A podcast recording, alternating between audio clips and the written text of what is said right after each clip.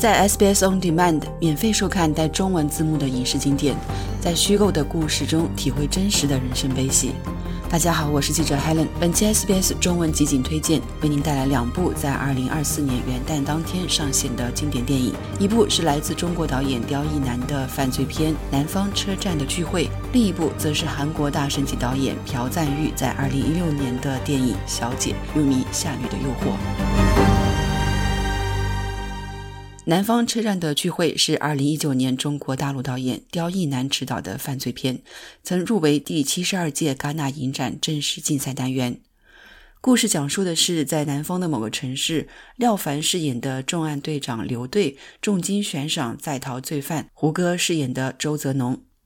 期间陪游女刘爱爱。周泽农曾经的好友华华，五年未见的妻子杨淑俊等人，各色人等各怀心事，相继被卷入这场罪与罚的追击漩涡。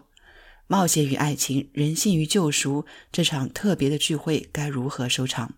本片通过细腻的镜头语言和精心构建的情节，成功营造出一种紧张而充满谜团的氛围。导演运用大量的细节描写和镜头语言，将观众带入一个犯罪阴谋的漩涡，每一个细节都充满悬念，让人屏息凝神。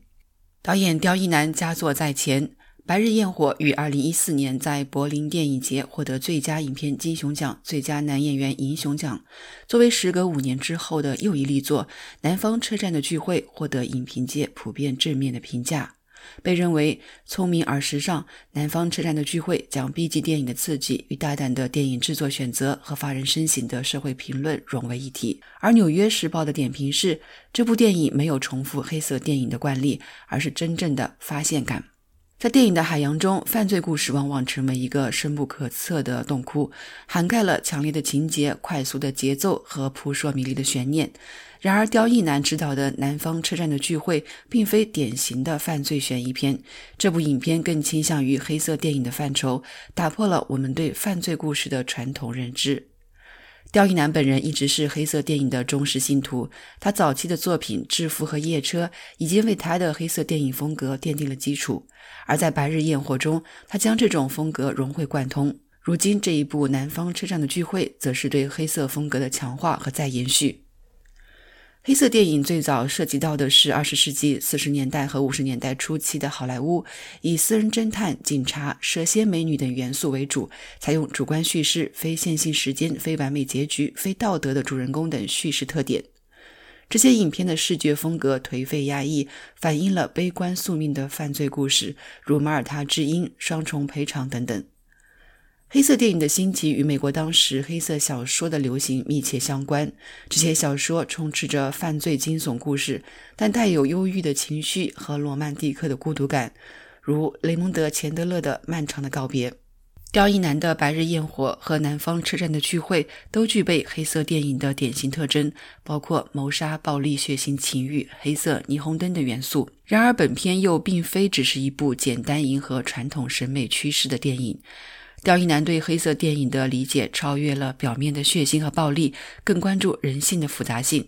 这部电影中的主人公周泽农和刘爱爱被推向宿命的漩涡，他们是社会底层的边缘人，如同被抛掷到这个世界上，无力挣脱强大的命运。在这场逃不脱的狩猎中，他们早已落入宿命的陷阱。电影中的人物并非简单的对错判断，而是展现了人性的自私、背叛和悲切。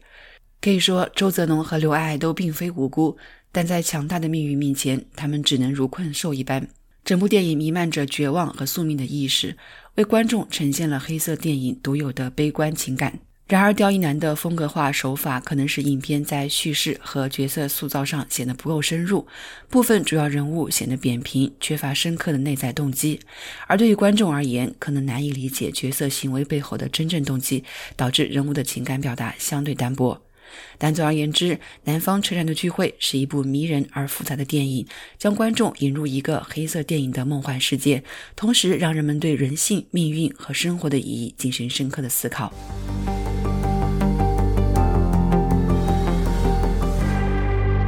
而在一月一号上线 SBS On Demand 的另一部电影，则是来自韩国大神级导演朴赞玉的《小姐》（The Handmaiden），又称《夏女的诱惑》。这部电影于二零一六年上映。电影改编自萨拉沃斯特在二零零二年的小说《荆棘之城》，并将原本的维多利亚时代变更至日本的殖民统治时期。由金明喜、金泰梨、何振宇和赵正雄主演。本片在第六十九届戛纳电影节上首映，并入选竞争金棕榈奖。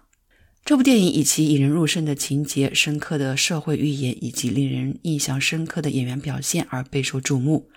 朴赞玉导演通过这部作品揭示了社会阶层的不公和女性在现代社会中所面临的困境，为观众呈现了一幅深刻而引人深思的画面。故事设定在二十世纪三十年代日本殖民统治下的朝鲜半岛。讲述独自继承庞大财产的秀子小姐，受到了贪婪狡猾的骗子觊觎，为了得到其财产而不择手段，让特意找来的女仆安排于小姐的身旁，而即将上演一场阴谋与情欲交织的悬疑局势。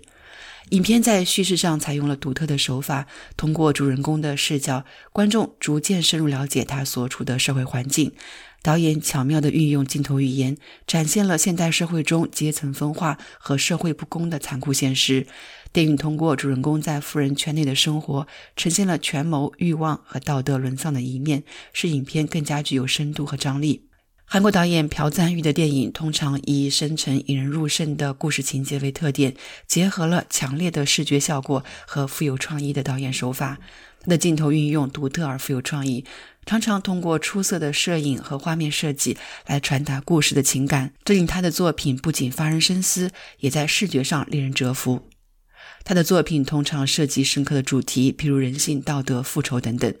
观众在观赏他的电影时，往往会被引导去思考生活中的复杂问题。这里就不得不提朴赞玉早年的复仇三部曲，包括2002年的《复仇》，2003年的《原罪犯》又称《老男孩》，2005年的《亲切的金子》。这些影片都是值得反复玩味的经典复仇片，时至今日亦是如此。而与朴赞玉导演的其他作品相比，《小姐》在叙事结构上更具有复杂性和层次感。导演通过主人公的视角，巧妙揭示了社会的黑暗面，同时采用非线性的叙事手法，使得观众在故事中能够逐渐深入探索角色的内心世界。而在社会寓言方面，也是独树一帜。本片展现了对社会问题的敏感洞察。影片通过女主角的命运，深刻描绘了女性在现代社会中所面临的压力和困境，同时对社会阶层分化、道德败坏的问题进行了深刻思考。这一点在朴赞玉导演的其他作品中也有体现，但《小姐》更为直接而深刻地反映了社会的种种问题，使得影片不仅仅是一部娱乐作品，更是一次对社会现实的深刻剖析。朴赞玉以其独特的导演风格和对人性社会问题的深刻洞察，使得他不仅仅在韩国电影界，乃至在全球的电影界都是独树一帜。他通过影片呈现的深度和内涵，为观众提供了一次对于社会现实的深刻思考，使得《小姐》成为他导演生涯的另一部重要之作。而朴赞玉最近上映的电影，便是由汤唯主演的《分手的决心》，那又是一部带有浓郁的朴赞玉风格的经典影片。